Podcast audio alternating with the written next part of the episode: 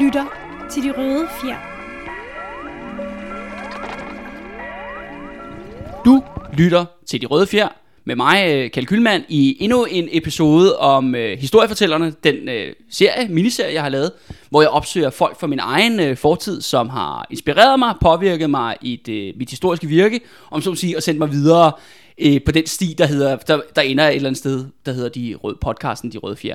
Det min næste gæst er en øh, person, jeg ikke har set i 12 år. Det er min øh, gamle gymnasielærer for Kongsholm Gymnasium i Alberslund, Christoffer Holm. Velkommen til dig, Christoffer. Tak skal du have, Kjell. Øh, jeg har jo opsøgt dig, Christoffer, fordi at, øh, jeg har tænkt virkelig meget over det her med lærerfaget. Øh, det var også en ting selv, da jeg blev uddannet på Roskilde Universitet, der overvejede jeg kraftigt at blive gymnasielærer, og jeg valgte faktisk også at gå i praktik i gymnasiet, og i den relation kommer jeg også til at tænke øh, på min øh, gymnasielærer. Og et andet element er faktisk, at øh, nu er der jo mange lyttere, der skriver til mig, og snakker jo øh, om alt muligt forskelligt historisk i forhold til de podcasts, jeg udgiver. Men det jeg hører rigtig meget er, at mange snakker om deres gymnasielærer, eller HF-lærer. Og det er virkelig jo en blandet landhandel. Nogle, øh, halvdelen af de folk, jeg snakker med, de roser deres gymnasielærer til skyerne, og den anden halvdel, de skyder dem fuldstændig ned. Øh, og det kommer så tilbage til derfor, hvorfor jeg er taget herud til Rødovre i dag, hvor at øh, han bor. Det er fordi, at øh, gymnasielæreren, og måske også til dels øh, folkeskolelæreren, i, øh, i, øh, der underviser historie, er jo faktisk dem, der præger de fleste danskers historiske opfattelse. Også fordi rigtig mange folk, når de er færdige med gymnasiet, så beskæftiger de sig aldrig med historie igen. Måske som ja, hobby, fritidsbeskæftigelse, men de kommer aldrig nogensinde til at blive undervist i det. Og derfor er der rigtig mange, hvis historiske bevidsthed om, så må sige, bliver skabt af de her øh, gymnasielærer. Og det er derfor, jeg har opsøgt dig, Christoffer. Mm. Fordi at øh, du, der er jeg øh, som, øh, om man så sige, utilpasset ung menneske, kom ind i 2006 på Kongsholm, der mødte jeg jo dig. Øh, og du var jo duk, frisk, nyuddannet lærer. Kan du ikke øh, fortælle os, øh, hvorfor, hvorfor historie, og hvorfor havner du på Kongsholm? Jamen, det kan jeg godt sige lidt om. Altså, jamen, altså hvorfor historie, og hvorfor øh, statskundskab, eller samfundsfag, som det hedder gymnasiet, øh, hvorfor var det det, jeg endte med? Jamen altså, øh, da jeg gik i 2G, der fandt jeg ud af, at det der med at være gymnasielærer, det var, øh, det vil jeg være. Øh, og det gjorde jeg fordi, at... Øh, hvad år var det, Christoffer? Jamen, det var, det har vel været i, hvad det været, 92, 93 gik Ja. jeg, nej, 94 gik jeg vel i 2G, ikke? Eller 94, 95, deromkring. Uh, I starten af 90'erne, ikke? Uh, og det gjorde jeg, fordi jeg havde en matematiklærer, som uh, startede året med at være glad og fortælle, hvordan hendes schema så ud. Så tænkte jeg, det der, det, uh, det ser øh, rigtig godt ud. Uh, og så tænkte jeg, øh, øh, det, altså der blev man, tænkt, tænkte, det der er smart, ikke? Altså, øh, men så tænkte jeg også, øh, jeg har nogle fag, som jeg var mega glad for i gymnasiet, øh, og så tænkte jeg, at det, var, det måtte da være fedt at arbejde med dem. Øh, og så prøvede jeg at læse lidt op på det, og, og, og så, så tænkte jeg bare, at det var en rigtig god idé, jeg havde fået Ja, ikke? ja, ja. Og så virkeligheden viste sig så at være en helt anden. Altså matematiklærer, de har jo en anden retteredaktion end folk, der, Ja, der har historie ja. og samfundsfag, ikke? Men, Jo. men øh, interessen, øh, den var vagt, og jeg havde truffet en beslutning, øh, og det arbejdede jeg frem øh, efter at ville være. Øhm, og, øh, og det var egentlig også det, der var bestemmende for, hvilket øh, speciale jeg endte op med at skrive.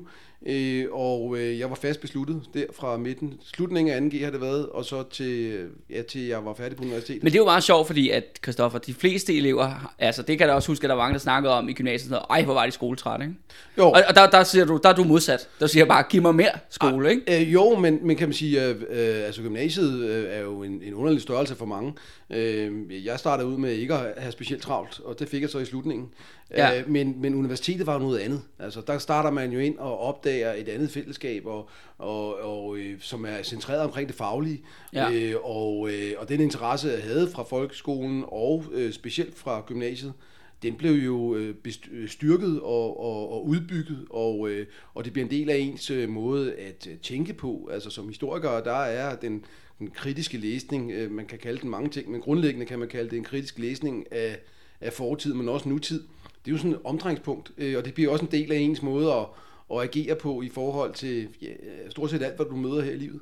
Øhm, men, men kan man sige, så min historieinteresse, den blev vagt gennem undervisere også, Ja. øhm, men, men også fordi jeg traf nogle beslutninger tidligt, øh, og sagde, det vil jeg. Og det her, altså, der må man sige, at, at det har jeg sgu aldrig rigtig fortrudt. Altså, Nej. fordi det der Du med, var aldrig fristet af at prøve at skrive en PhD eller Nej. videre forskning? Nej. Nej, det var jeg ikke. Og øh, øh, også fordi jeg havde truffet en beslutning. Altså, jeg, jeg var klar over, hvad det var, jeg ville. Øh, og jeg havde undervist øh, øh, i, i svømning i mange år øh, som ung. Øh, alle mulige aldersgrupper, og der fik jeg masser af ros for det. Og det er jo også sådan noget, der be- bekræfter ja. en i, at, at, at Man er på den rigtige sti, ikke? Ja, at det ja. der med at formidle og undervise og, og sådan noget, det, det havde jeg en eller anden form for talent for. Øh, og, og så havde jeg jo den der faglige interesse med de her to fag. Så derfor så lå det meget naturligt for mig at sige, jamen det vil jeg.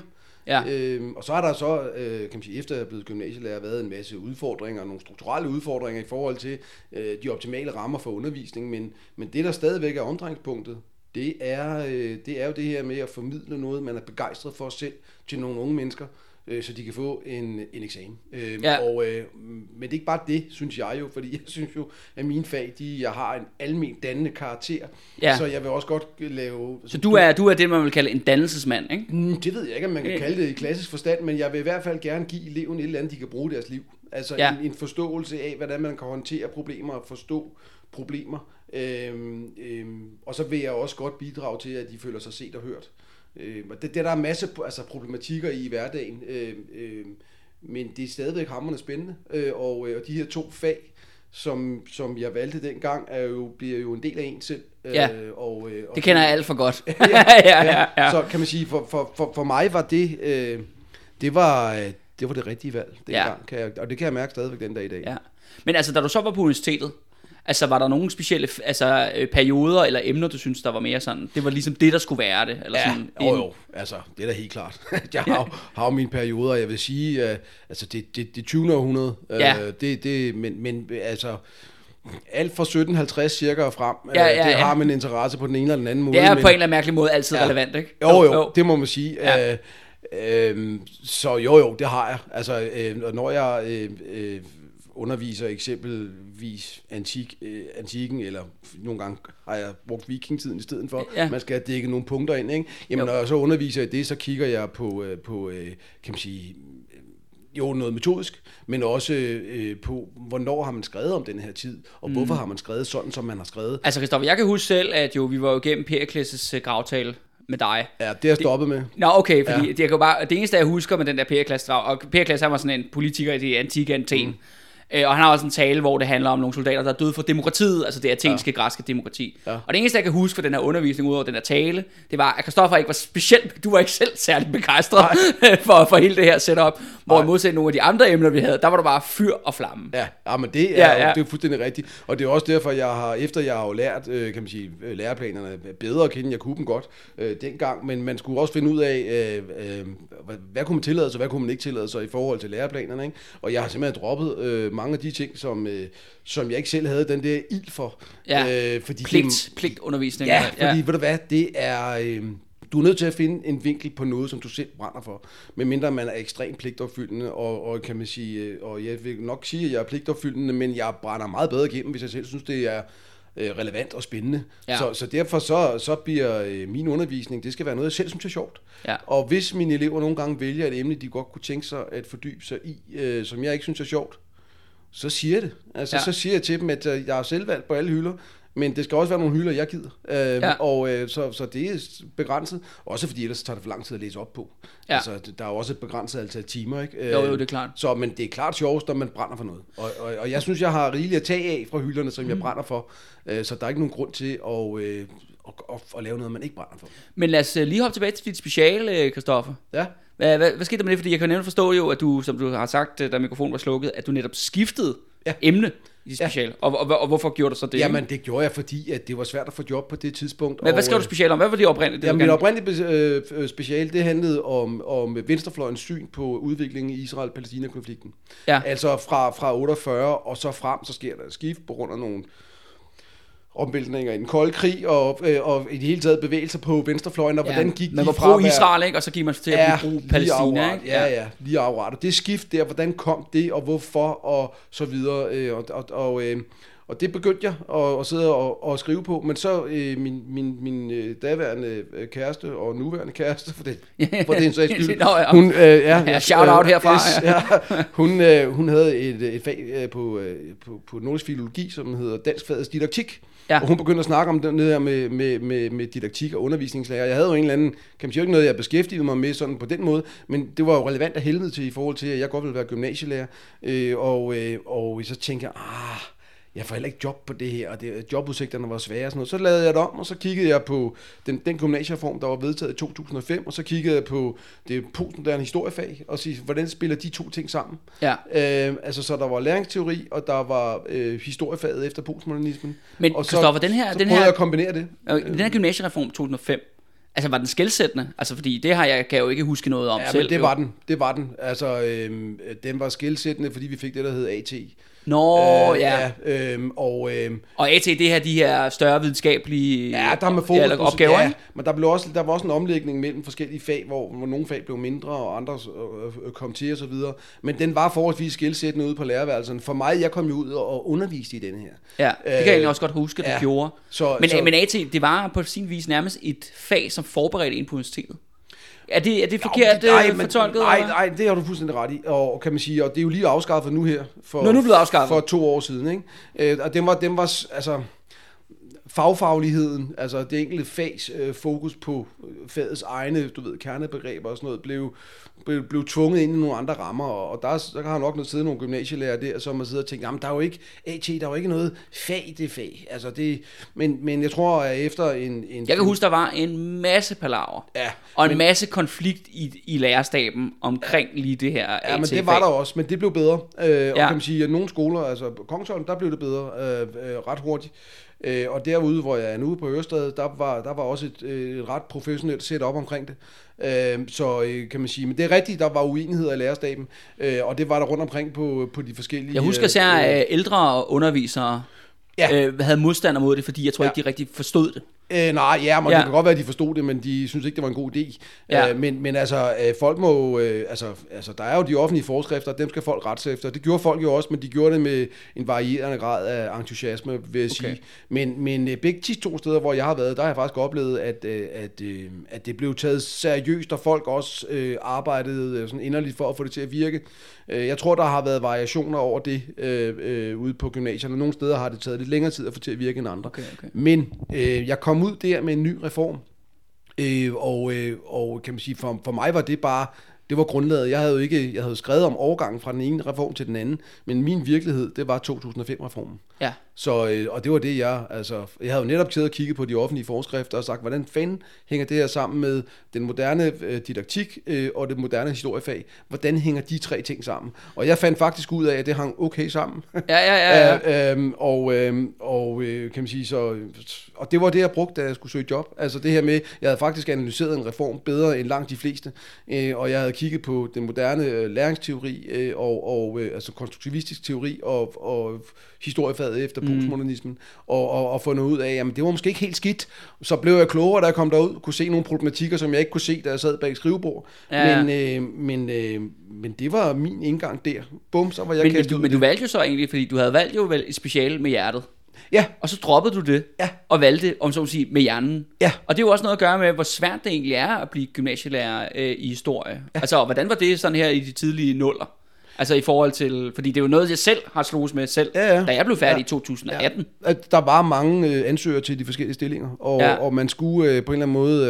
Øh, øh, og det er der sådan set stadigvæk. Altså kan man sige, gymnasielærerjobbet er, har aldrig været noget, som var let at få.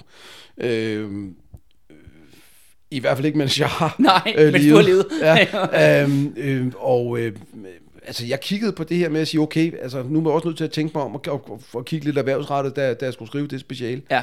Øhm, og, det, og det lykkedes. Altså, jeg, jeg skrev ikke... Jeg skrev ansøgninger, mens jeg skrev specialet.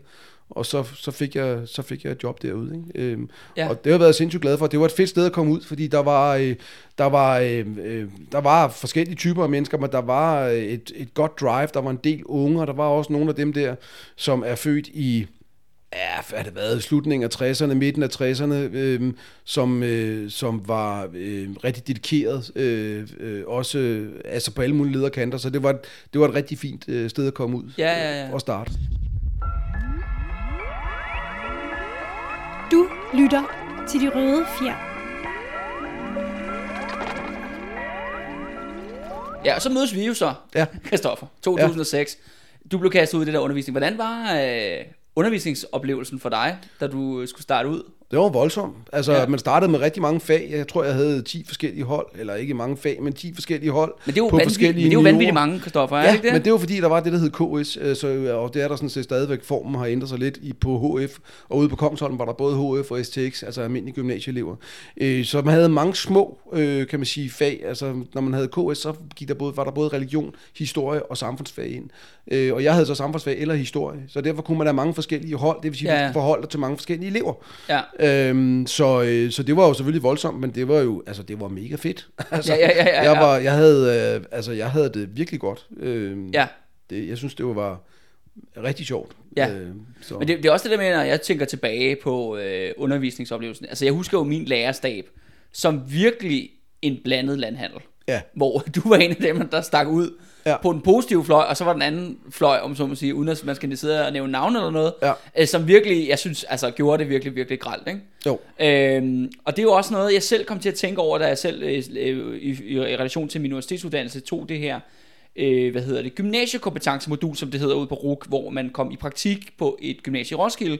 Og der var, havde jeg faktisk, jeg havde nærmest et totalt flashback, for jeg havde præcis den samme oplevelse med de lærere, jeg mødte derude. Den ene gruppe, vanvittigt dedikerede mennesker, øh, alle aldersgrupper og alle køn, skulle jeg til at sige. Ja. Og så den anden halvdel, hvor det var sådan nogle, var virkelig nogen, der bare kørte rutinen, ikke? Jo. hvor det var et øh, 8-4 job for dem, hvor de kunne hæve løncheck. Og der var det enormt frustrerende, som en på daværende tidspunkt, der gerne vil være gymnasielærer, og se hvordan, og ja, undskyld jeg siger det, de gamle røvhuller, Ja. de sidder altså på taburetterne, ikke? Ja. og pensionsalderen bliver ved med at blive hævet, Ja. så de forlader kraftet med mig det arbejdsmarked. Ja. Hvornår skal unge mennesker, der, der vil gerne vil noget, have en chance? Ikke? Jo, altså. jeg, jeg tror bare ikke, jeg ser den der, øh, øh, kan man sige, øh, altså nu kalder man det øh, øh, de, den, den, gamle garde, eller de gamle røvhuller. Det, Ja, ja, ja. Jeg, jeg tror ikke, det er ikke aldersbetinget, øh, det der med, hvor, hvor, Nej, det var øh, faktisk heller ikke mit hvor, indtryk. hvor, øh, altså, hvor dygtig man er til Ja. ja. at, at gøre en forskel i den der hverdag, som eleverne jo bruger på skolen 8-4, ikke? Jo. Øhm, øh, der kan være alle mulige omstændigheder, folk i perioder er ramt af det ene eller andet, så er man mindre, mere eller mindre effektiv på arbejdsmarkedet. Øh, men så er der, er der også bare det her med, øh, det tror jeg alle oplever jo, at, at jobbet kan være øh, ændre karakter. Det kan den gøre med reformer for eksempel. Øh, for nogen bliver det i højere grad et lønmodtager øh, projekt, øh, øh, hvor at, at den der ild, øh, som er fed, hvis man er elev, øh, øh, forsvinder. Øh, men, men kan man sige... Øh, Ja, altså jeg ser jo ikke mine min, øh, min, min, kollegaer ude i klasserummene så tit, men, men Nej. min, min oplevelse er, at, øh, at, øh, at langt de fleste er meget, meget dedikerede og, og brænder igennem Ja. ja. øh, på mange lederkanter, men de gør det altså på forskellige måder. Og det er jo det, øh, kan man sige, en undervisning er jo sådan en, et forhold mellem elever og lærere, Ja. og, øh, og hvis elevgruppen, øh, kan man sige, ikke kan sætte pris på en enkelt lærers kompetencer, eller den måde at gøre det på, så bliver det svært. Øh, og, øh, og der er der nogle lærere, som, øh, som øh, jeg måske ikke har så mange strenge at spille på i forhold til det der med at, at, klasserumledelsen og, og, og begejstre eleverne. Og der er også nogle altså, fag, der er svære at gøre det med, Ja. øh, fordi øh, altså, ungdoms fokus øh, Ja, matematik er sådan sig. rimelig...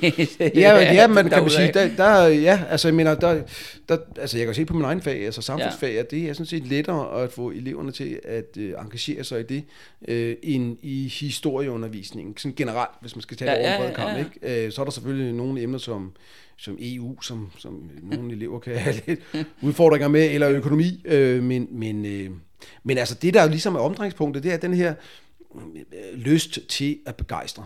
Altså, Ja. ja. det, det synes jeg, det er det, der skal være udgangspunktet. Det vil du sige Altså, var kernen i... Ja, øh, det synes jeg. Altså, fordi det, det, det skal, skal helst være spændende. Og hvis man spørger sig selv som underviser, hvorfor er det her relevant, så kan man altid sige læreplanen og eksamen. Men det er ikke nok. Altså, du er nødt til at gå ind og sige, det her skulle, skulle på en eller anden måde være sjovt. Altså, øh, og det kan godt være, at det ikke bliver hyldende morsomt hele vejen igennem. Men der, altså, der skal være en god stemning i det klasserum. Ja. Ja. Der skal være noget, som man kan formidle, som, hvor de kan se på en, at man selv synes, det er vigtigt og spændende.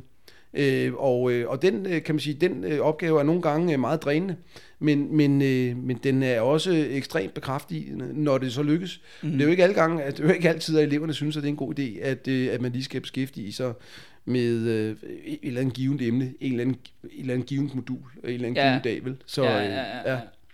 ja, men også i relation til det, Christoffer, fordi nu kan jeg kan godt huske min egen elevtid, og det tror jeg langt de fleste lyttere kan, at man har siddet og været rimelig død i sværen, ja. Eller synes, at øh, at det der, man skulle høre nu, det var totalt latterligt, ja. Det, man skulle høre på. Hvad fanden gør man så i sådan en situation, når man kommer ind til sådan et øh, klasselokale? Nå, jeg har tit tænkt på, ja. øh, altså, Altså, det var ikke mig alene, vi satte jo lærerne i den, så at sige, som kollektiv satte vi jo lærerne i den situation. Bevidst eller ubevidst. Ja, altså, jeg, altså det, nu er lærer jo forskellige og har forskellige kan man sige, måder, de håndterer det på, men, men, øh, men altså, jeg, altså, min forståelse af undervisning, det, det er, at det er mig, der strukturerer det, og mig, der bestemmer. Ja. Øh, og, så, øh, og hvis jeg oplever nogle problemer i forhold til det der med, at, øh, at de overhovedet ikke er engageret, så kan jeg lave undervisningen lidt om. Mm. Altså imødekomme det energiniveau, der er. Øh, men, men jeg kan og i talsætter også situationen, som den er, at sige, jeg kan godt se, at I er helt smadret. Vi skal det her. Vi kan lave om på det sådan og sådan, men jeg vil have, at I gør det på den og den måde. Altså, øh, så man sådan ligesom får snakket lidt om, øh, jamen altså, hvad kan vi nu som fællesskab, ikke? Øh, og så er det jo så mig, der strukturerer det, så man nogle gange laver det om, fordi det ikke altid eleverne er klar til det, som jeg har planlagt, så må man lave det om løbende. Ja. Fordi hvis man bare kører afsted med et eller andet, som, øh, altså, hvor de allerede har tabt pusen, inden vi er gået i gang, jamen, så falder det på jorden. Ja. Så man skal have den der åbne øh, dialog med eleverne om, hvad er det, vi laver, hvorfor, øh, og er, er det her realistisk? Og det er jo det, er jo det der også er sjovt. Det er Ja. derfor, det er aldrig er det samme at gå ind i et klasserum, for du ved aldrig helt, hvad du møder. Ja. Men du er nødt til at tage udgangspunkt i øh, den tilstand og det energiniveau, der er. Ja. Øh, og, så, øh, og så er du altså også nødt til, at øh, hvis de sidder og er trætte, så er de nødt til at kunne se, at det, vi laver, er spændende. Ja. Altså, de er nødt til at kunne se det på mig. De er nødt til at kunne høre det.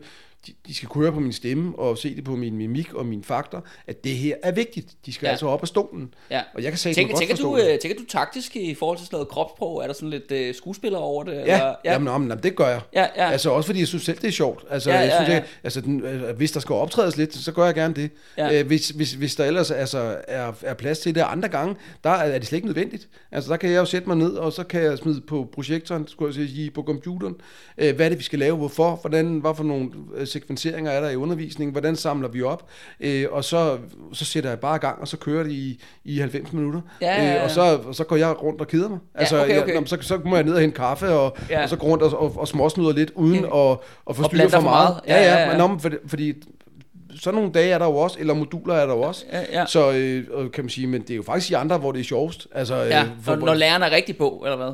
Nej, altså Ja. ja. det er jo ikke altid det sjovest for eleverne, men det er sjovest for mig, når jeg kan se, at, øh, at øh, i det her modul, der bliver det ikke let. Med mindre jeg har haft to eller tre moduler inden, hvor det har været det samme, fordi så er man, mm. så er man jo helt færdig, når man kommer hjem. Ikke? Jo, jo, jo, jo, jo. Øh, øh, men øh, men altså, der er jo også kedelige dage på kontoret, og det er der, hvor det, man har planlagt, det bare kører.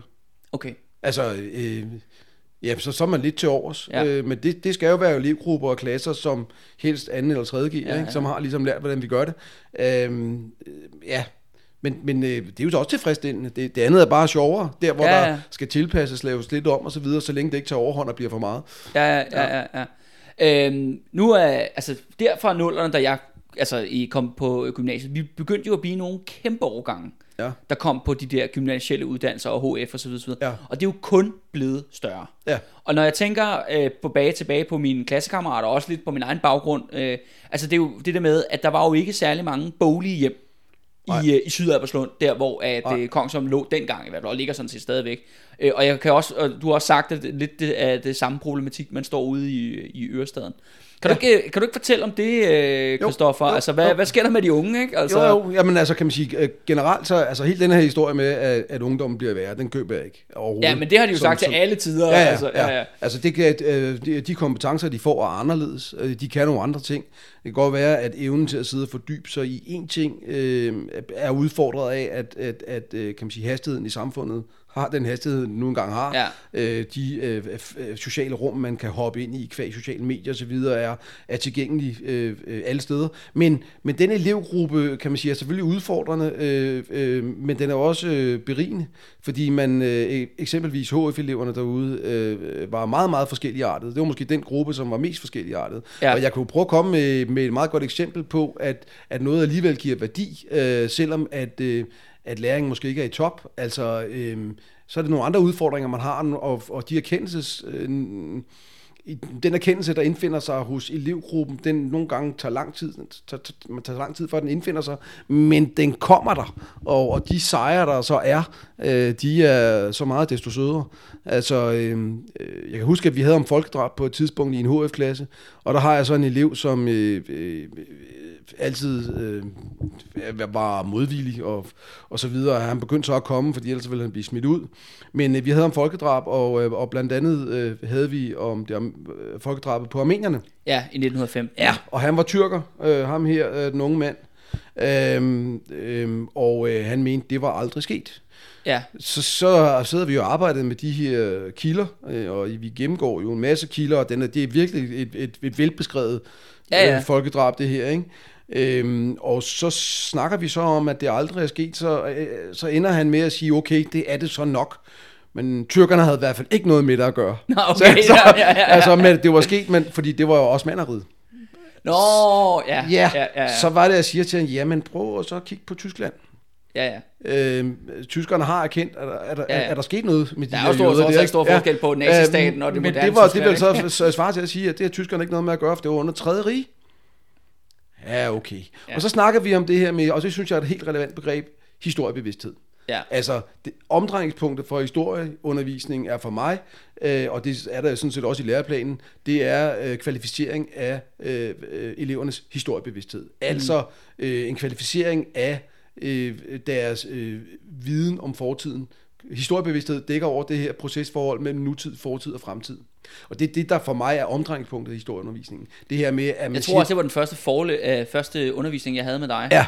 Det var vist noget med Ja. historiebevidsthed. ikke? Ja, og, og, og Ja. ja. det er det, og så har jeg sådan en, øh, så prøver jeg at sige til dem, hvor kvalificerer jeres, hvor, hvor kvalificeres jeres viden om fortiden fra?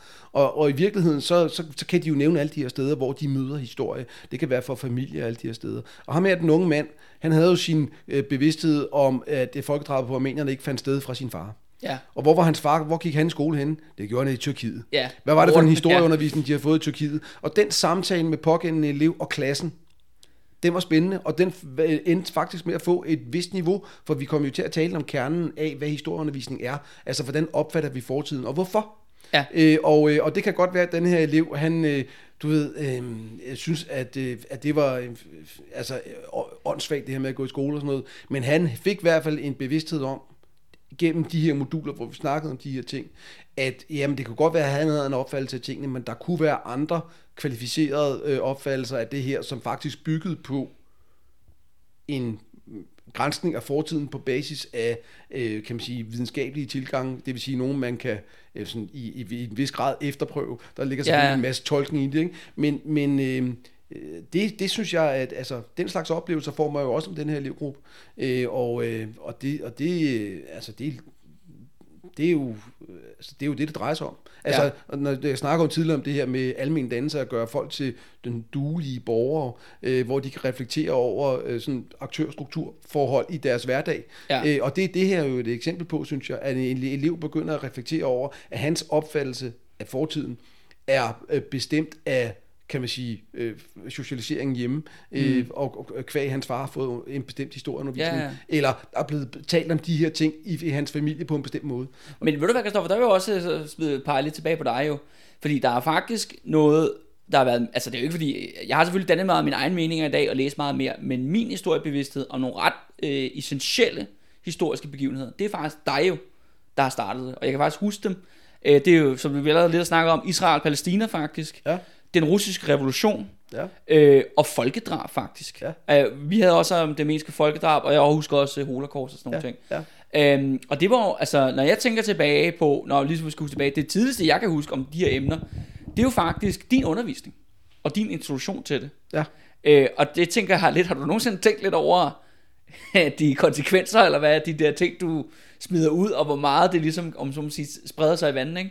For nu har vi så en situation, hvor at, øh, nu er jeg jo ikke selv far, men det er der jo andre af mine medstuderende, der er blevet siden da. Mm. Og, så, sige, og så kan vi sige, så producerer vi den historiske bevidsthed, og så sige, det fortsætter til, øh, til kommende generationer. Ja, det er lidt ligesom multiplikatoreffekten, ikke? Der Jo, kommer jo. ringe i vandet. Jo, ja, ja. Øh, de varer bare lidt længere tid, de her ringe. Øh, jo, jo, jeg har da tænkt over det, og det er jo også derfor, jeg synes, at det er øh, mm, væsentligt, øh, det jeg laver. Ja. Øh, jeg har, øh, jo, det har jeg da, og det er jo også derfor, jeg øh, altså vælger bestemte emner.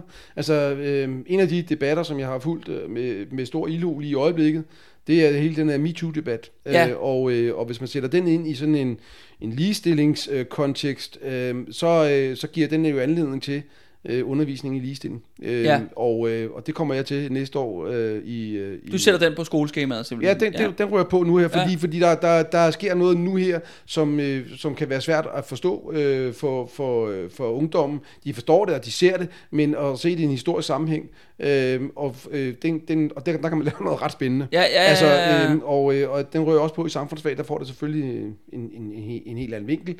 Øh, øh, men, øh, men, men historie, der kommer til at lave sådan et forløb.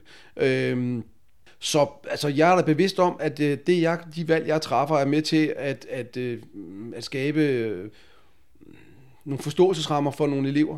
Men det er hele tiden med det mål, at kvalificere deres historiebevidsthed. Det er hele tiden med det mål at sige, nu har jeg faktisk fået nogle redskaber, hvor jeg kan forholde mig kritisk til min fortid Ja. og til min nutid. Ja. Øhm, og det er det procesforhold mellem det. Altså alle er sprogbrugere, det er lidt det samme som historiebevidsthed, alle har den, men har vi den øh, på det kvalificerede grundlag? Altså øh, er vi kritiske over for vores øh, øh, egen øh, forståelse af nutidens problematikker, øh, og kobler vi dem til fortidens. Ja. Øhm, og det er omdrejningspunktet.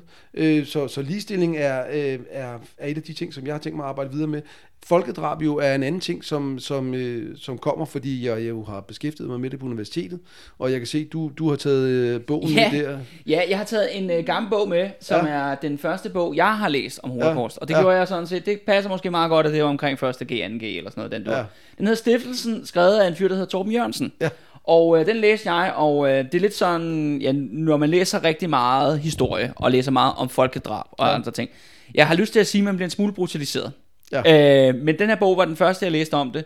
Og der kan jeg huske faktisk, der var en episode, der er et beskriv, det handler om øh, især de her tre dødslejre, der er nede i Polen. Øh, ja. Treblinka, Sobibor og hvad den sidste hedder? Bele, Be- Bevsek. Ja, basic. Ja. Øh, og, øhm, og der er blevet blandt andet for Tre- Treblinka der, hvor at, øh, der er en beskrivelse af, hvad der sker, når de hiver de der jøder ud af togene, og, ja. og ligesom hvad der sker ved rampen, og de fører ned i gaskammeret. Og jeg kan huske, der blev jeg fysisk dårlig, da jeg en 16-17 år læste den her bog. Ja. Og det gjorde meget, meget stærkt indtryk på mig. Øh, og, og så, ja, så tilbage, og så skoleundervisning, og så lige pludselig, så sagde- kom Christoffer en dag og sagde, Jamen ved I hvad, øh, vi har, jeg har simpelthen hævet en gæsteforelæser med i en fysiske møde, jeg kender fra universitetet, ja. og det er Torben Jørgensen, og øh, hvor alle mine, alle mine medstudenter de var bare sådan noget, hvad fuck er ham der for en gammel øh, idiot, der kommer og tale det der, og jeg var mega starstruck, Ja. hvor jeg var sådan, gud, det er jo Torben Jørgensen, det er jo ham der, der har skrevet stiftelsen, Ja. og det var, da- du kender ham, øh, Christoffer. Ja, men ja, vi, ja. vi, vi læste på universitetet sammen, og han, han har jo beskæftiget sig med, øh, med det tredje rige, og, men specielt øh, udryddelsen. Øh, øh, og det er også derfor, han har øh, skrevet stiftelsen der. Og, og det, den, den bog der, da han havde skrevet den og læst den, der var vi færdige på universitetet. Øh, så, så jeg læste den der, og der var faktisk noget materiale, ellers så var det jo engelske og tyske tekster, meget af det vi læste. Øh, der var, var noget materiale, som var øh, godt at give øh, til elever i brudstykker. For, Ja. ja. for, for, netop for at begejstre. Altså, Ja, ja. ja. og jeg ved godt, at den er brutal på, på, på, på mange lederkanter, Ja, ja. Men, men den kommer ned på det menneskelige perspektiv og sige, hvad, det, det der theaterperspektiv, altså gerningsmanden, hvem var det og hvorfor, hvor kom de fra? Det her Ja. med at gøre det til, til noget... Men hvordan kan normale tyskere blive Ja. øh, massemordere, Ja, ikke? og den, ja. Der, den der skriver sig ind i den diskussion, altså om, om, øh, om øh, øh, hvordan kan man få folk til at gøre de her ting, altså er det ideologi, eller er det ondskab, eller hvad er det for nogen, eller er det systemet som sådan. Det er ikke et omdrejningspunkt, men den skriver sig ind i den diskussion, den bog, og så har den bare sådan på dansk, og så er den øh, velskrevet, og så ved øh, Torben øh, sindssygt meget om det her. Øh, og det er også derfor, jeg hiver ham ud, fordi han kan fortælle med, med, st- med stor øh, intensitet og entusiasme.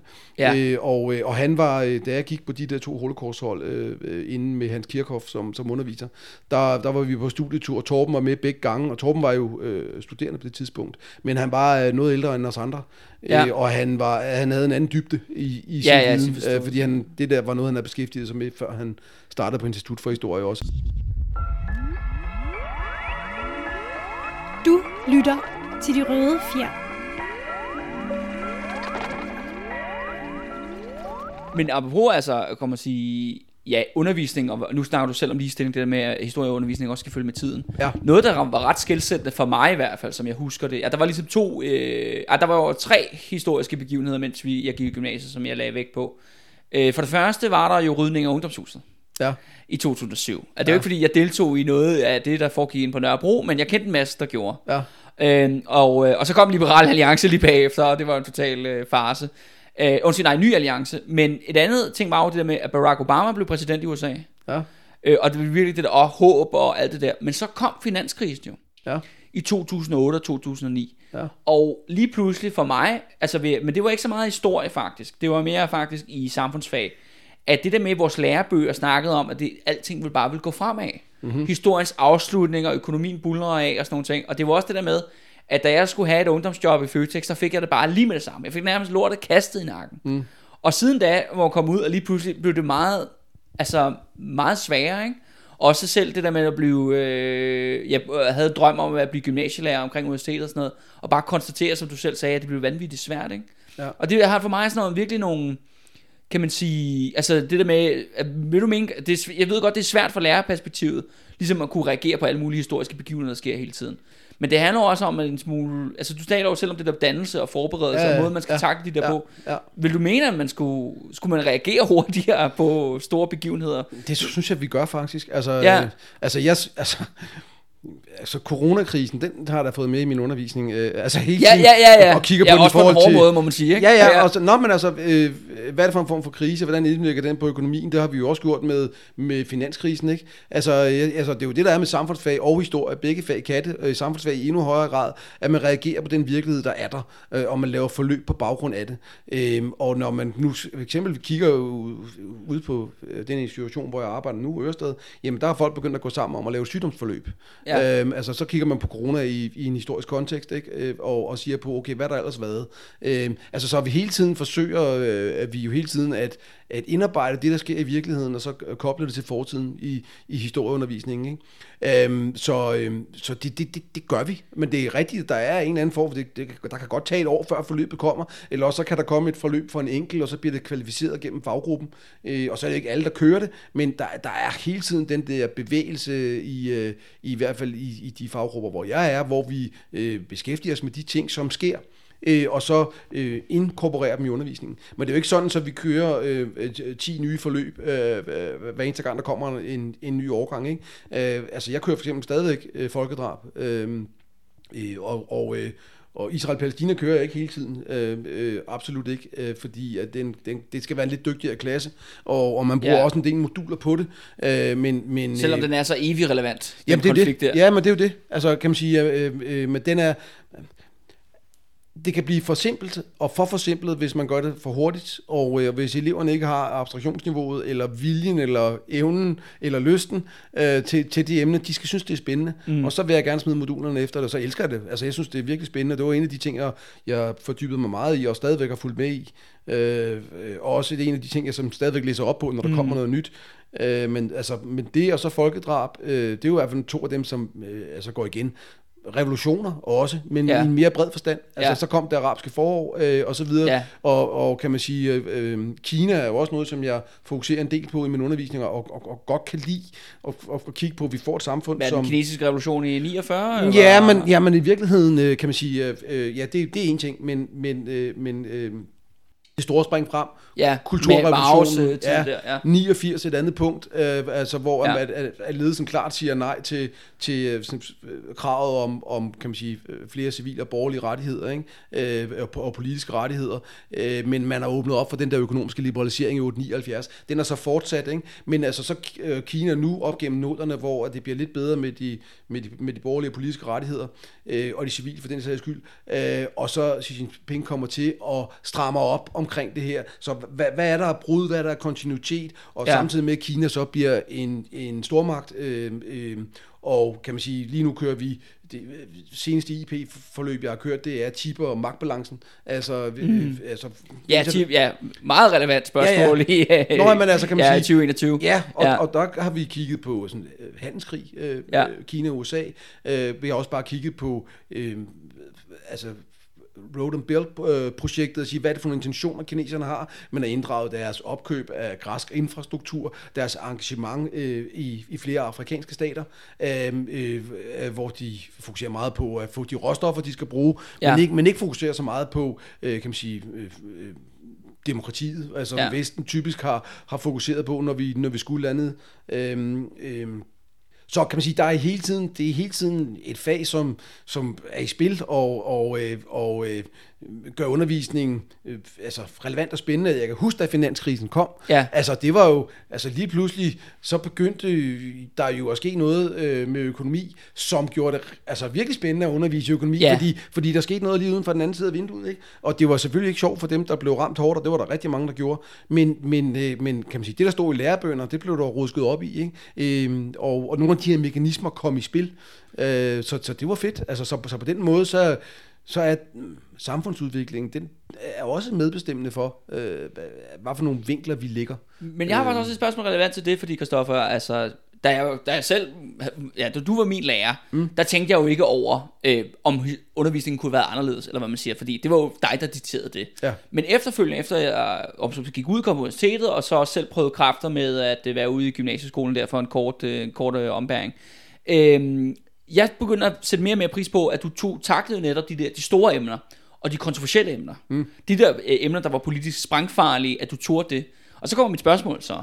Hvad standard stiller du dig i forhold til øh, politisk bias og sådan nogle ting? Nå, det kan Ja, jeg godt. Ja. Nå, men øh, der, jeg har altid sagt... Og, og, og det er jo også en diskussion, ja, Ja, ja. ja. der kommer op igen regelmæssigt, ja. det der med, altså, at gymnasielærerne præger ja. deres elever i bestemte politiske retninger. Ja, og det kan man godt argumentere for, at de gør.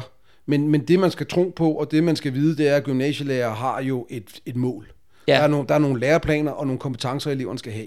Og mine elever spørger mig, og jeg underviser øh, og har altid gjort det i samfundsfag på A-niveau, det vil sige, jeg har dem i tre år. Så de spørger selvfølgelig, hvad stemmer du, Christoffer? Så siger Ja. jeg til dem, det får I ikke at vide. ja. Det får I først at vide, når I er færdige. Og jeg havde, øh, jeg havde lige øh, nu her nogle elever ude i min have her i onsdags, fordi de var færdige, og de var færdige til eksamen, og så havde vi ikke haft tid til eksamensperioden.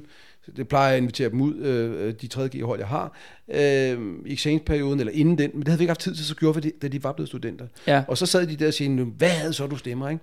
Og så siger jeg, "Jamen, nu skal I lige først gætte. Ikke? Jo. Og det, det var det, der var fedt, det var, at de gættede på alt muligt andet. Altså, øh, Nå, Og så okay. var der så, øh, selvfølgelig var der så en elev, der, der gættede på noget, og så spurgte jeg så eleven, hvorfor? Jamen, så henviste hun til noget, jeg havde sagt omkring øh, øh, min, min baggrund, min forældres måde at stemme på, hvor vi Ja. havde boet osv. Så, videre. øh, så hun, hun, hun øh, øh, kunne så gætte det. Ikke? Men, men det Men hvad stemmer lidt- du så, Christoffer? Jeg, Jamen, det vil jeg da ikke sige. Øh, det, det kan jo være elever, som... Fordi jeg som, tror faktisk som, ikke, jeg som fik spurgt dig. Nej, nej. Men, men, øh, men, men pointen er sådan set, at de kunne ikke gætte det. Nej, ja. De anede det ikke. Ja. Og, øh, og, øh, og det er også det, der skal være målet. Ja. Altså min politiske overbevisning er fuldstændig irrelevant i forhold til undervisningen. Øh, og, øh, og det, at de ikke kan gætte det, øh, det er, øh, øh, det, er, øh, det er jo tilfredsstillende. Fordi så, så er det jo ikke mig, der er i fokus. Så er det, så er det det her med, at, at man skal være kritisk. Man skal være kritisk over for alle, der har magt. Man skal selvfølgelig også være kritisk over for mig. Men, men det, de skal være kritisk over for mig, det er om, altså, det, der står i læreplanen, de kompetencer. Øh, mm. øh, gør du en forskel i forhold til det? Klæder du os på til eksamen? Øh, øh, og, og behandler du os ordentligt? Altså skaber du et klasserum, hvor der er godt at være? Ikke? Jo. Altså det, det er de krav, de kan stille til mig. Øh, øh, og jeg kan stille krav til dem om, at de skal komme engageret og veludvilet. Og når de så ikke gør det, så må vi tage udgangspunkt i det. Øh, øh, det den virkelighed. Ikke? Men men vi præger vores elever, det gør vi, men vi gør det jo med, med, med afsæt i de offentlige forskrifter, altså læreplanerne, og de ting, som vi er bundet op på. Du lytter til de røde fjer. Men det er jo virkelig det der med, at, og det er jo kun noget, altså det var jo, da jeg gik i gymnasiet, men det sådan set fortsætter jo, der er jo på sin vis en politisk, ideologisk kamp om de studerende på gymnasierne. Altså forstår, og- nu tænker jeg ikke så meget på lærerrollen faktisk. Nej, nej, nej. Jeg tænker faktisk på politikerne i Folketinget. Der er hele tiden fokus på, hvad mener de unge på gymnasierne, ikke? Hvad, hvad, hvad vil de, når de bliver 18, hvor sætter de deres første kryds, ikke? Jo, jo, der er, det, altså, jeg, jeg, jeg, Det er jo tror en gentagende debat, jeg der tror- kommer jeg tror, tilbage det- og tilbage, ikke? Jeg tror Altså- mere, det er uddannelses, kan man sige, politikken som sådan, som, som der kan være øh, varierende øh, meninger øh, om.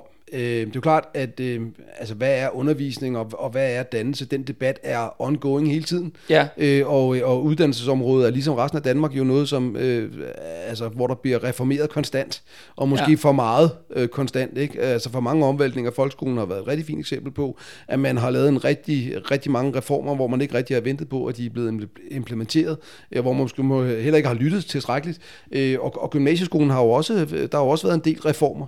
Ja. Øhm, øhm, og, øhm, og tilpasninger og læreplaner osv., som ikke altid er hensigtsmæssige øh, eller lader sig gøre i, i, i praksis. Og der kan selvfølgelig være nogle, nogle, nogle forskellige holdninger, men uanset hvad vi bliver præsenteret for, så er det jo de offentlige forskrifter, vi skal rette os efter. Øh, og så kan vi synes, det er en god idé eller ikke en god idé, det er sådan set ligegyldigt. Det, det handler om, det er at gøre en forskel for dem, der sidder øh, nede i klasselokalet. Altså, Ja. øh, øh, og så kommer man igen, man kan altid dykke ned i sit eget fag, man kan altid fokusere på, hvad, hvorfor var det egentlig, jeg valgte det her. Ja. Øh, øh, og så kan, så kan der godt være nogle strukturelle rammer, som gør det ekstremt svært. Der tænker jeg blandt andet på de her besparelser og så videre, ikke? Øh, som der har været. Øh, øh, Kan du ikke, det er jeg ikke sikker på, lytterne ved. Kan du ikke fortælle? øh, Nej, men der har været en lang række besparelser øh, i, øh, i tierne, øh, som, som gjorde, at, øh, at øh, de penge, vi havde at gøre godt med i gymnasieskolen, blev mindre år for år. Sådan, Ja. ja. sådan systematisk, og der kom et år, hvor jeg mener, det var en 3,6 procents besparelse. Øh, Og jo, og jo flere gange man gør det, Ja, øh, jo sværere bliver det øh, at gøre de ting, som man skal for at lykkes. Øh, og så må man, øh, så må man øh, du ved, øh, skære noget af, skære noget væk, eller undlade at gøre noget. Og det er... Øh, det er udfordrende både for den enkelte øh, professionelle, som, som har nogle standarder for, øh, hvad god undervisning er. Mm. Det skal man til at omdefinere. Ikke? Øh, og der er også nogle elever, som mærker, at der er, der er mindre tid til dem. Altså hvis man har flere hold, øh, Ja, så er det klart, så er og der- samme antal ja. tid, så er der noget, vi ikke når. Øh, og øh, kan man sige, og, og den har vi mærket i gymnasieskolen, og det udfordrer nogen på det her med lysten til overhovedet at undervise. ja. Øh, andre øh, steder har Eller man lærerne bliver stresset, eller hvad? Eller, Ja, ja, ja, ja. ja. Altså det kan også være det. Men det kan jo også øh, i sidste ende, hvis du ikke mener, at du kan stå på mål for det, du laver, så må du finde noget andet at lave. Ja. Altså grundlæggende, den erkendelse kan- kan folk øh, komme til, ikke? og så kan de søge over i andre brancher. Øh, altså søge væk, øh, eller øh, som vi også har set, der kan man se på, sta- på statistikken, at øh, flere går ned i tid, øh, for, at, for at kunne slå til. Øh, og det er, jo, øh, altså, det er jo et problem. Øh, men det er jo først og fremmest et problem, dels for medarbejderne selvfølgelig, men det er også et problem for de elever øh, og, og skrøbelige unge mennesker, som man jo er, når man er mellem 16 og, og, og 19 år. Ja, ja, ja. At, altså, der bliver simpelthen mindre Det kan jeg tid. skrive under på. ja, ja, nå, men altså, det er, jo en, det er jo en frygtelig farlig tid. Altså, Ja, ja, ja, og der sker ja. tusind ting for, for de her mennesker, og, og, øh, og vi, tager, øh, vi tager deres tid 8 timer om dagen. Øh, og der skal altså være noget kvalitet i det der, øh, Ja. hvis, hvis det skal give mening. Øhm, øhm, og, og det er selvfølgelig udfordret af de politiske beslutninger, der bliver taget.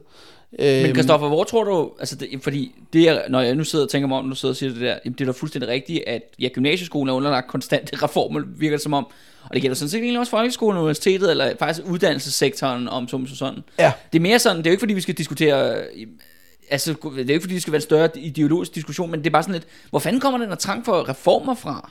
Hvorfor Hvor- er det, de ja. bliver ved? Altså, er, er, har du en, er der et rationale bag det her? eller Ja, sådan? altså når, vi, når, vi nu, når jeg nu for eksempel øh, kigger på sådan noget, øh, altså, altså samfundsfag, økonomi, men også altså velfærdsstat og overgang til konkurrencestat og det her. Ikke? Altså Ja. hele, hele den her øh, med, at lille Danmark befinder sig øh, i, en, øh, i en global økonomi, hvor at vi hele tiden skal reformere os for at følge med. Øh, øh, altså det er som opdrejningspunktet i, i konkurrencestatstænkningen, det er, at vi Ja. skal jo selvfølgelig lave en masse små øh, fodsoldater, som, som kan tage kampen op, og det er inden for Ja. uddannelsesfeltet, at man skal tage den der kamp op, ikke? ellers så kommer kineserne og spiser os, ikke? og alt det der pjat, som Ja. man hører. Ikke? Jo. Men altså hele den her tankegang om, at vi skal hele tiden reformere os i en verden, der, øh, hvor omskifteligheden, øh, øh, øh, den er stor, øh, øh, hastigheden er stor, øh, og der reformerer man jo også uddannelsessystemet konstant for at være i stand til det.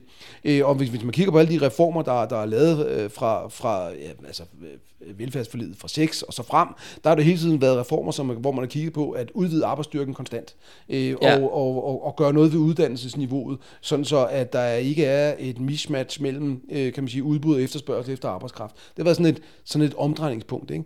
Øhm, øh, og, og, og det har undervisningssektoren jo også været underlagt, ikke? Man har hele tiden været en slåskamp om, hvordan gør vi det her, ikke? Og, og nu er der så nogen, der snakker om det, altså konkurrencestatens død og så videre, men, men, men øh, lad, lad, os nu se, altså Ove Kaj Pedersen har selv været ude og, og blive citeret for det. Altså, jeg synes nok, det var en lidt skarp overskrift, øh, Berlingerne havde der, men, men øh, øh, ja, men det, det bliver spændende, og det er jo coronakrisen, ikke? Hvad er, Jo, det så, jo, jo, jo, jo. Hvad, hvad, hvad, er det så for en, en, en måde, man angriber den på rent økonomisk, ikke? Jo. Øh, altså, man sagde jo allerede øh, un- under finanskrisen, at nu Keynes is back, altså nu, nu må der ske noget Ja. her, ikke? Øh, men, men det Jeg skal viser også lige love for, at der bliver lånt og printet penge. Ja, altså. ja, men, ja, ja. men det gjorde man jo ikke der. Altså, Ja. ja. Jo, det gjorde man også, men, men det, var, det var stadig sådan, det, sådan en monetaristisk tankegang, der var smidt ned over øh, specielt Europa, ikke så meget amerikanerne. Ja. Men, men, men nu sker der nogle andre ting. Ikke? Nu er der nogle ting i, i opbrud, nogle, nogle, nogle måder måder at tænke økonomi på. Man kan også sige, at der er nogle flere af de der øh, Stiglitz, Krugman, øh, Piketty, andre af de der øh, økonomer, som i højere grad abonnerer på sådan en keynesianistisk økonomisk politik, som har fået vind i sejlene gennem de sidste 10-15 år. Ikke? Øh, som, som, så nu er der måske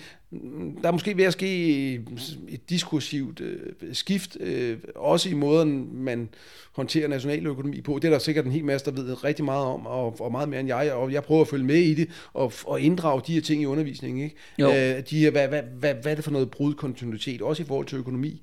Øhm, Men har gymnasiet ikke brug for noget mere ro? Altså, eller uddannelsessektoren, altså... Ah, øh, jamen, jeg synes, det, er- jeg synes, at uddannelsespolitik, det er simpelthen en sparet omgang. Der, hvor okay. Jeg bliver, der, hvor jeg bliver rigtig træt, det er, når, når de bruger det, øh, kan man sige, til at... Øh, altså, snævre politiske mål. Okay. Altså, jeg kan godt lide, de, når, når man sætter sig ned og laver et ordentligt stykke arbejde, øh, og, og, og det ikke bliver en del af et ideologisk projekt nødvendigvis. Okay. Øh, så kan man sige, det politiske er en opgave at, at, at øh, ændre uddannelsessektoren, og den opgave, den, den skal de selvfølgelig tage seriøst. Øh, og, øh, og, og der skal laves ændringer, men man er, man er nødt til at, at forankre det i, i øh, den viden, der er fra de faglige foreninger, fra gymnasielærerne og fra rektorerne, øh, og, øh, og lave reformer, som tager afsæt i noget, der kan lade sig gøre. Ja. Øh, og, og når man gerne vil en hel masse, meget, øh, en hel masse, så skal man jo så være klar på, hvad er det så, man ikke skal. Ja. Øh, og, og, og den, øh, den, den erkendelse har jeg måske i, i for høj grad manglet hos, Ja. øh, hos politikerne. Øh, men jeg tror ikke, det er noget, at bare gymnasielærerne brokker sig over. Jeg, synes, altså, jeg, tror, jeg tror, der er rigtig mange, som, som ser en lang række nye krav, uden der følger finansiering med. Men, men, men, men man skal huske, øh, at der sidder nogle mennesker, som skal få det til at virke. Ja. Øh, og det er uanset om man er gymnasielærer eller hvor man sidder. Øh, og, øh, og, det, og det kæmper hår, øh, folk øh, hårdt for hver dag. Ikke? Og, Jo. og det lykkes, jeg synes det lykkes langt hen ad vejen, men nogle gange er der altså nogle udfordringer, som, som gør, at man må, at man må øh, øh, være kreativ. Ikke? Så øh, ja. Du lytter til De Røde Fjer. Jeg har noget helt andet, jeg vil gerne diskutere, ja. Ja. snakke med dig kort om. Ja. Og det er jo faktisk helt ned, nu bliver det lidt lavpraktisk, Ja. og i, i forhold til øh, undervisningsmetode i gymnasiet. Ja. For det er noget, jeg har spekuleret selv øh, vanvittigt meget på. Fordi det, jeg husker primært som opgaver jo, det er kildekritik. Ja. Kildekritiske opgaver, hvor ja. At, øh, nu det for lytteren, hvad det går ud på, eller genopfriske folks hukommelser. Jamen, altså det var typisk, at man havde givet en emne, så øh, for eksempel, så kunne det være den kolde krig. Så, øh, så fik man så 4-5 øh, forskellige små tekster. En var skrevet måske af Khrushchev, en var skrevet af Eisenhower, og det, det videre, det videre. Ja. Og så, skulle, øh, og så havde eleven, fik eleven en række arbejdsspørgsmål ofte, hvor man så skulle besvare dem. Og så skulle man jo så prøve at sige, "Nå, men okay, Khrushchev, kan han lide Sovjetunionen? Ja, det kan han sgu nok. Ikke? Ja. Og Eisenhower kan han lide USA, og så videre, så videre. Og det er jeg kommet, også fordi jeg har selvfølgelig arbejdet med kildekritik på øh, universitetet, og det er også noget, jeg står faktisk med en konstant problem, øh, problematik, hver gang jeg skal lave en ny serie. Mm. Øh, selvom jeg læser meget øh, breddeværker og formidlinger andre fra andres menneskers fremstillinger, men så er der jo også, at jeg bliver nødt til at tage stilling til, hvor de kommer fra, når ja. De skriver de her værker. Men det er så her, jeg har med gymnasiet. Øh, jeg kan ikke rigtig finde ud af, om jeg synes, den undervisningsform er fejlslået i, øh, i gymnasieregi. Fordi at eleverne jo ikke, de, de unge mennesker der, de har jo faktisk ikke noget historisk ballast at kunne dømme de her ting ud fra. Nej. De mangler jo ja. dybde i deres viden. Ja. Og der er sådan lidt, Kristoffer, hvor står du selv? Og er det ikke lidt bare fordi, at, jeg kommer til at tænke på, er det fordi, at der er behov for, at eleverne skal gå til eksamen? I bliver nødt til at give dem de der forpulede tal. Jo, men det er der selvfølgelig noget systemet, Jo, men der er jo, der er jo hele tiden det der med øh, de offentlige forskrifter, hvad, det, hvad, hvordan skal Ja. de til eksamen, bare for nogle ting skal vi igennem og sådan noget. Men, men jeg er ikke helt enig i det der med, at de, at de, at de ikke ved noget, fordi de ved en hel masse. Og, Ja. og der kommer vi tilbage til det her øh, øh, historiebevidsthedsbegreb.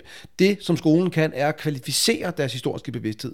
Så, så kan man sige, det de skal lære, det er den kritiske læsning. Altså at sige, hvad for nogle spørgsmål stiller jeg til det her, øh, og, øh, og hvad for nogle svar kan jeg forvente at få. Så kan man sige, hele det der funktionelle kildebegreb, det er vigtigt at få dem til at forstå, hvad er det, og så er det vigtigt at, at, at få dem til at forstå, at de ved en hel masse om fortiden, men jeg øh, giver dem nogle redskaber til at blive kri- mere kritiske over for deres egen forståelse af fortiden.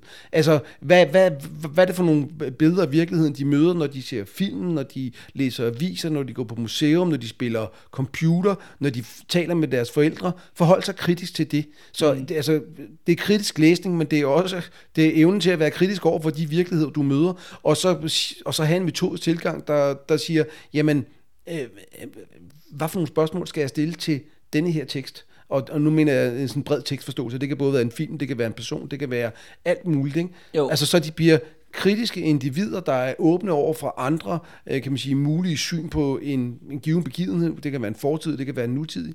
Øh, så, så, så det er det, der er målet jo. Så det er jo ikke et mål om at, altså, at, at uh, kunne kongerækken eller sådan noget. Det, Nej. det, det er faktisk, altså n- nogen vil sige, det er vigtigt. Ja, det er det Men også. det, men det er fordi, nu er det ikke så meget dine opgaver at tænke på, for dem kan jeg knap nok huske. Nej, nej, ja. Men det var mere i forhold til det på, øh, hvad hedder det, der var jeg i praktik der på Roskilde Kvadratskole. Nogle af de der opgaver, jeg synes nærmest var sådan karikaturer. Ja, Fordi at det var så obvious, Ja. hvad det har at gøre med. Selvfølgelig er Eisenhower pro-NATO. Eller sådan, du ved, Ja. det skal du være idiot jo. Ja. Ja. Eller for ikke at kunne Ja, ja, konkludere men- rimelig men- men hurtigt. der skal du og, sidde- og der tænker jeg lidt, ja. og, men jeg ved godt, at unge mennesker skal jo også starte sted. Ja. Altså det er jo klart nok, og det er jo også, så- jeg er fuldstændig med, Ah, men jeg når du siger for- om at ja. kvalificere det store specifikt af Christoffer, you got me all the way. ja, ja. Men jeg har da også bare mere for, at virkelig at kunne arbejde kildekritisk, Ja. ja. så skal du jo have en rimelig dyb viden, for virkelig det kan blive godt, eller du kan rykke, du virkelig kan se kildekritikken som det effektive redskab, som det kan blive. Ja, ja, ja. Men, men, og der, er- men der er så lidt sådan, har historiefaget, og det er jo så ikke, jeg ved godt, det er ikke din beslutning. Nej, ja. Jeg ved godt, der er nogen, der sætter de der forskrifter, men har man stirret sig blind på, at der eleverne skal kunne bedømmes med den der skide talrække? Øh, nej, Og- og de skal lave nogle opgaver og nogle vurderinger, ikke? Altså når man, når man laver den der lidt klassiske gennemgang af en kilde, og du ved, så kan de få sådan en schema ud, hvor der står altså afsender, modtager, tendens, Ja, ja, ja, ja. Hele indhold og alt det der, ikke? ja. Altså den, øh, den skal øves med nogle klasser rigtig meget, og med andre klasser ikke. Fordi det er netop, øh, det går på det her med, øh, hvilke spørgsmål skal man stille til forskellige tekster. Ja. Altså, og det, det er jo i virkeligheden en, en, en øvelse i kritisk læsning. Det, de gerne skulle hen til så, det er at komme væk fra de her kildeskemaer, øh, og så bare kigge på kilden, øh, øh, øh, læse den, og øh, ud fra den der forståelse af, hvem er personen, hvem er modtageren, hvad er den historiske kontekst. Derfra så stille de relevante spørgsmål, øh, sådan så det ikke bliver en slavisk gennemgang. Men hele tiden træne dem i, når man møder en tekst, så angrib den her tekst, stil den spørgsmål og gør der nogle overvejelser omkring, hvad kan teksten svare på, hvad kan den ikke svare på. Ja. Og, der, og, der, og der har du fuldstændig ret. Øh, for at kunne stille de rigtige spørgsmål, bliver man også nødt til at have en historisk viden om en given periode. Men der er man nødt nødt til at læse sig ind på den. Og der er vores virkelighed jo, at vores gymnasieelever har en viden om mange forskellige ting, og nogle gange bygger det på film, andre gange bygger det på øh, anekdoter fortalt rundt om, om middagsbord og så videre. Øhm, øh, så pointen er, at under gymnasietiden, så får de mere viden om noget, men at det der med at kræve, at de skal kunne en lang række af, kan man sige, det vi vil kalde almen dannende øh, viden om bestemte historiske øh, tidsperioder og tendenser, mm. det kan man ikke forvente, og det er heller Nej, ikke det, der nej, er nej, målet. det er med på. Øhm, så, øhm, så kan man sige, Nej, jeg, jeg, jeg synes egentlig, at, øh, at øh, kan man sige, læreplanen i historie er ganske fornuftig, og, øh, og, og den udvikler sig også hele tiden, og hele tiden har det her historiebevidsthedsbegreb været centralt. Altså, at, at vi er gået væk fra det med kongerækker, og, og gået mere over til at kvalificere øh, elevens øh, historiebevidsthed, og det synes jeg er, er rigtigt øh, set, at det skal man, og, og øh, og kan man sige, det, det er jo noget, altså, det har været et omdrejningspunkt i læreplanerne længe, øh, og, og det er ikke forsvundet eller, været, eller, eller blevet nedprioriteret, tværtimod, øh, og det synes jeg er ganske fornuftigt. I den verden, vi lever i i dag, den er så kompleks, du kan ikke kræve af nogen som helst, at de skal kunne, øh, du ved, øh, ramse op øh, øh, et eller andet bestemt, en kongerække, statsminister, eller regimeskift, eller noget andet, fordi der sker så meget, og, der, og verden er blevet så stor, øh, øh, eller lille, om, alt afhængig af, hvordan man kigger på globaliseringen. Øh, at, at det giver ikke mening. Det er der ikke nogen, der kan, men mm. man kan give folk nogle redskaber til at orientere sig i den her virkelighed, som er forholdsvis komplekst. Og det synes jeg faktisk, at historiefaget bidrager rigtig Ja. fint til. Øh, og det er også det, der er målet. Altså øh, kvalificere folks historiebevidsthed, give dem redskaberne til at forholde sig kritisk til øh, den fortid, som de er et produkt af, men også den nutid og den fremtid, som, som de er i, eller som de venter. Ja. Og, det, og det, det gør historiefaget faktisk ret godt. Og det er også mit indtryk, at de fleste historieundervisere øh, faktisk øh, klæder eleverne ret godt på. Men historie er også et læsefag, og du går fuldstændig ja. ret i, at der, at, der, at der skal læses meget, fordi for at forstå den historiske kontekst, så skal der læses. Og, øh, og så meget tid øh, har unge mennesker altså ikke, og der er også en lang række af fag, som de skal kunne, og de har en 40 timers arbejdsuge plus øh, fritidsarbejde osv. Så, videre. så man må også kigge på, hvad er egentlig muligt for de her elever, og ikke Ja, ja, bare kigge på ens eget fag, men kigge på det sådan et lidt større perspektiv og sige, hvad fanden er, hvad, hvad er det egentlig, vi laver om de her unge mennesker, ikke? Jo. Og det synes jeg er, det er jo hele tiden Ja, det, jeg ja. vender tilbage til. Hvad fanden er det for nogle mennesker, der kommer ind, og hvad er det for nogle mennesker, vi spytter ud? Og så sidder jeg med mine egne interesser i samfundsfag, historie, og prøver at gøre en forskel der. Ikke? Jo. Øhm, øh, men, øh, men jeg synes egentlig, at, øh, at vi lige sendt stu, øh, studenter afsted nu her. Altså det, det er fedt at se, at de kommer ind som første gear, de bliver skudt ud som tredje gear, Ja. og de er sat med at lære nogle ting. Ja, og de der er blevet- både en personlig og faglig udvikling Ja, ja, på er speed fedt. Ja, ja. i løbet af tre år. Ja, ikke? men det, der sker fandme noget. Altså, Ja, ja, med de ja, det gør der bestemt. ikke? Og det er en kæmpe tilfredsstillelse at se. Altså, som, øh, ja, som underviser. Ja, ja. Ja. ja, ja, det er jo super lækkert. Altså, det er jo sørgeligt at sende dem afsted, men på den anden side er det også, der er også en tilfredsstillelse i det, ikke? ja. Øh, det er jo sørgeligt, fordi at man ikke skal følge med i 4G, øh, Ja, øh, ja. og fordi at de netop har lært altså, altså de, at indgå i, i en undervisningssituation. Ikke? Jo. Og så skal man ned og have fat i nogle første nu her, som man, som, hvor det godt kan tage lang tid at Ja. og, og, og få dem sådan tilvendet til det Ja. her med, at, hvad, hvad vil det egentlig sige at gå i skole, og hvad vil, og hvad vil læring sige, og, og hvordan skal man angribe det på Så den er smarteste Christoffer tilbage til Sisyfos arbejde med at... øh, Jo, jo, jo, men det, er, men det er jo meningsfuldt, altså du er, nødt, du er nødt til at tage de der skridt, og det er jo Ja. også meningsfuldt, ikke? Men det kan være, øh, det kan være lidt, uh, lidt tungere, øh, og man skal bruge lidt, lidt mere energi på det, Ja. ja. men, men det er også spændende jo. Du lytter til de røde fjer. Ja. Her, her, på, øh, her til sidst, Christoffer, så skal vi selvfølgelig diskutere det, men også det sidste, man laver jo, netop Ja. eksamen. Ja. Øhm, jeg kan huske, at du lærte mig og mine medstuderende en catchphrase, eller så skal vi sige, som er Ja. rigtig god at sige i alle øh, gymnasiesammenhæng, i eksamenssammenhæng, og ved du hvad, jeg gjorde faktisk en dyd ud af at sige det til alle mine eksamener. Ja. Og nogle gange virkede det helt kanon, andre gange så faldt det til jorden, men det var nok også noget at gøre med, at jeg var nok dårligere. Jeg var meget dårlig. Jeg var nogle fag, jeg var rigtig god til, og så var nogle fag, jeg var rigtig dårlig til, ja. Kan jeg godt afsløre. Ja. Jeg havde faktisk samtlige karakterer på karakterskalaen. Ja, det er Alt fra minus 3 til 12, ja. så jeg havde fuld plade, ikke? Ja, ja. da jeg blev student. Øh, men du sagde det der på et tidspunkt, sagde, jamen det er en multiklausal årsagsforklaring. Ja. Og det er noget, jeg, det står indprintet i min hjerne, og nogle gange, ja. Så bruger jeg det sgu alligevel, Ja, ja. Men, og, så tænker jeg jo altid på dig.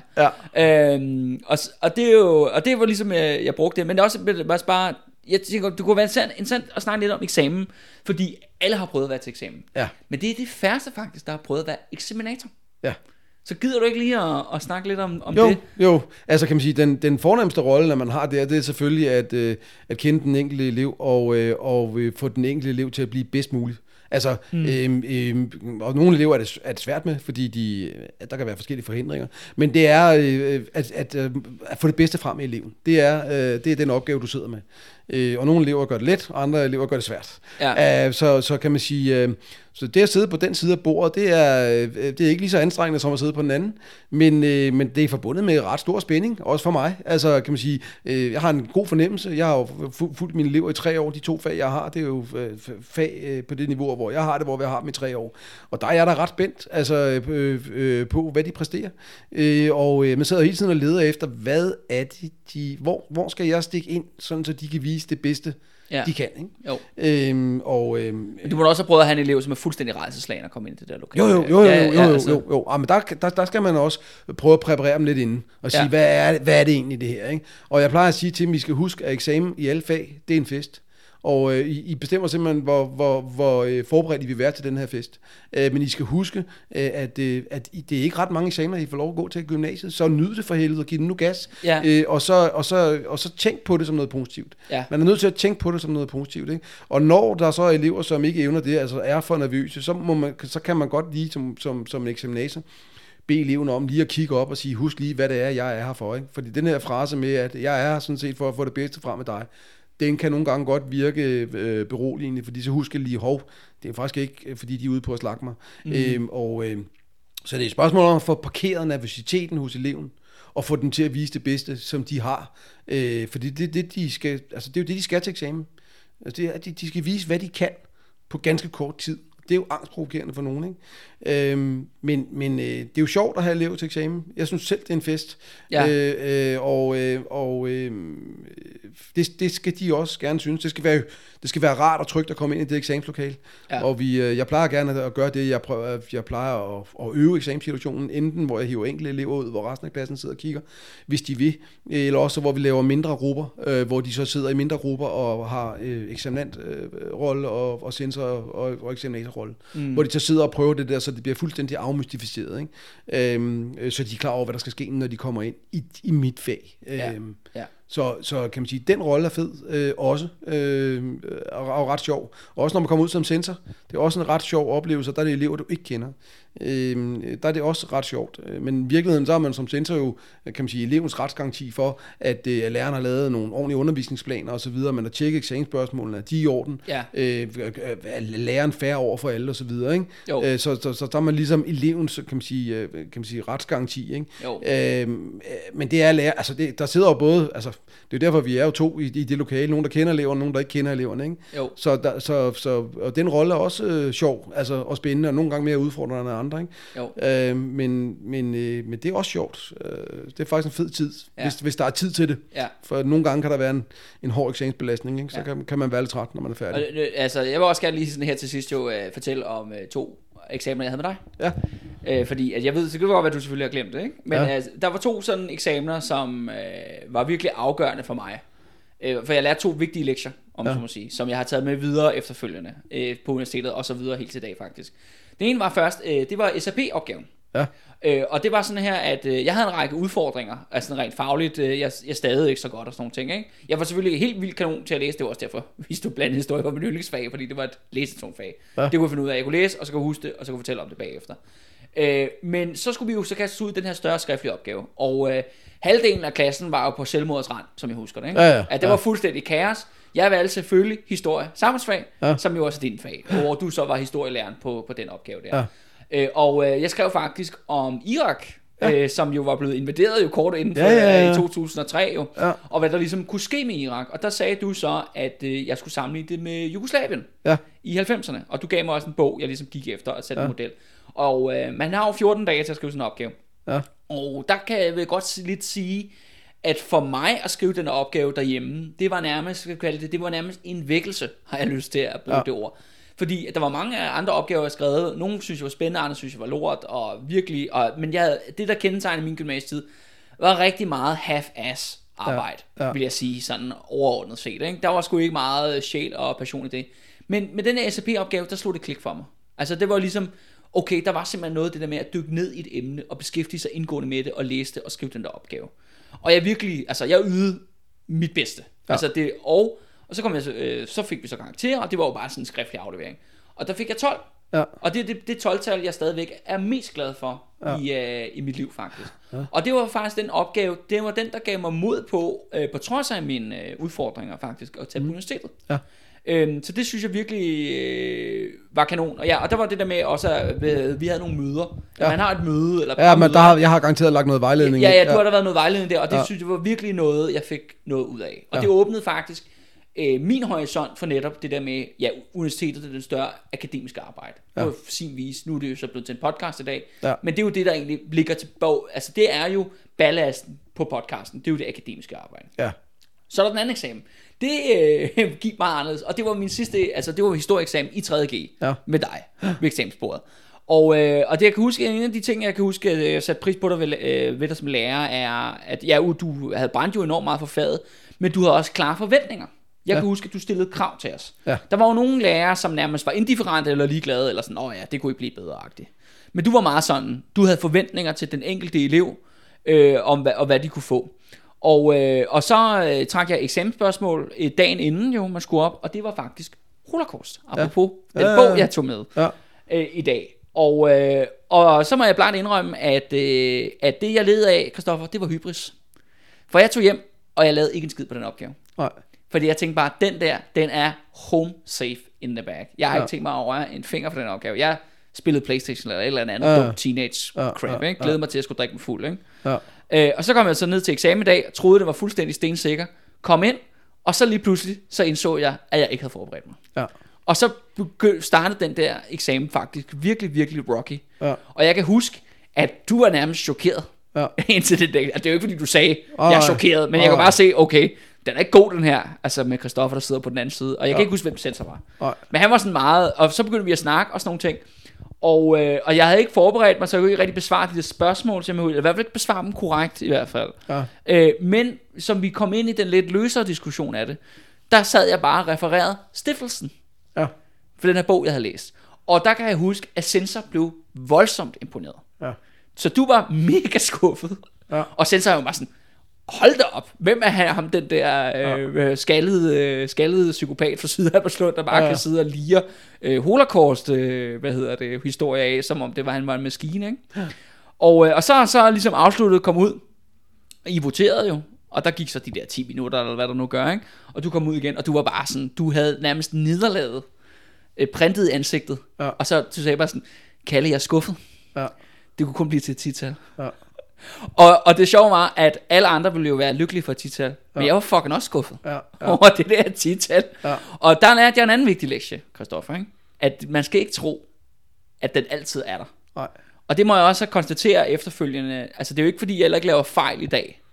Men man må også stå ved de fejl og blive ved med at arbejde på, netop Ja. ja. blive bedre, ikke? Og Jo. læse mere. Og man, kan blive, og man bliver, og det er jo det med historie, man bliver aldrig færdig. Nej, men det, det der, det, det, det der også er, det, det er jo, kan man sige, jeg har jo sandsynligvis, jeg kan ikke huske eks- eksaminationen. Jeg kan, Jamen, jeg du har kan, også haft... Ja, jeg, men jeg kan huske, hvad for en sensor. Jeg kan faktisk huske, hvad for en sensor Ja, det var. ja. Men, men, øh, men, øh, øh, men jeg har jo, altså, jeg har jo haft nogle forventninger til dig, og når du har trukket det emne, som, som du, øh, du ved, synes var spændende, og det, Ja, så har ja. jeg jo haft nogle forventninger om, med den kendskab, jeg har haft til dig, om hvad du så kunne, når du kom ind. Og, øh, og jeg kunne sagtens forestille mig, at jeg har sagt til dig, det var ikke, øh, det, var ikke godt nok. Ja, altså, ja, ja, det, det, ja. det, det kunne du have gjort bedre, ikke? Jo. Øhm, øh, og sådan er det, øh, kan man sige. Det er jo også det, der er, øh, når jeg siger, det er en fest, ikke? så Jo. er det jo så, altså en fest, der, man kan jo enten blive for fuld, eller øh, Ja, ja. Ikke, ikke, ikke få den pige eller dreng med hjem, som man godt vil, og alt det. Ja, ja, ja, ja. Og, og, og du blev, øh, kan man sige, Ja, altså, der havde du ikke gjort det godt nok, og så, så skal man også have det at vide. Øh, og, og, og det er jo øh, også det, der er fedt ved eksamen, fordi nogle gange så er der nogle elever, som altså, de, altså, de overpræsterer. Altså, de, Ja, ja, ja. altså, de rammer den Man bare lige, eksamensmode, ikke? lige Og- fuldstændig, ja, de ja, ja. får læst optimalt op, og de får den skåret helt rigtigt og sådan noget, ikke? og så er det jo mega optur. Ikke? Men, øh, men ja, altså nogle gange, hvis man fortjener at få at vide, at man ikke gjort det godt nok, så skal man også have det at vide. Men, men, men, men de, de, de her tilfælde, var, var det den øh, eksamen, hvor du blev student? Nej, det var det så ikke godt Nå, nok. okay. Ja, Ja, ja, ja, der var ja. lige et par stykker, men det var en af de sidste, som jeg husker det. Ja, ja, men, Og det var, men apropos som, hvis eksamen er en fest, så var det jo også den fest, jeg selv havde set frem til. Ja, ja, ja, ja. Øhm, fordi det var det, der, var nogle eksamener, hvor at, ja, det gik, som jeg havde forventet. Så var der nogle eksamener, hvor det gik bedre, ja. end jeg havde troet og Ja. ja. håbet på. Ja. Øh, og så var der så også nogle, hvor det fuldstændig stak ja. fuldstændig af. Og det var min spansk eksamen, det gider vi ikke at snakke om. nej, nej. Ej, Men, der, øh, der, får du heller ikke noget kvalificeret fra min side. Nej, nej, nej, nej, nej, nej. Så lad, os, øh, lad den bare ligge, øh, ligge stille død. Eller, Ja, øh, det er jo mange år siden nu. Men ved du hvad, Kristoffer, jeg vil bare gerne sige rigtig mange tak, for at du øh, stillede op. Ja. Og øh, det sidste, jeg vil sige faktisk, øh, det er jo, at da jeg blev student jo, der, øh, der fik du min hue jo. Og der skrev du i min hue jo øh, noget med historie, Ja. har du skrevet. Ja. Og, øh, og det blev det. Ja. Øh, så jeg siger bare kun, jeg siger mange tak Ja. for, øh, for, alt, for, alt, for al undervisningen. Jamen, velbekomme. ja, ja, ja, ja. Og øh, til lytter derude, tak for i dag.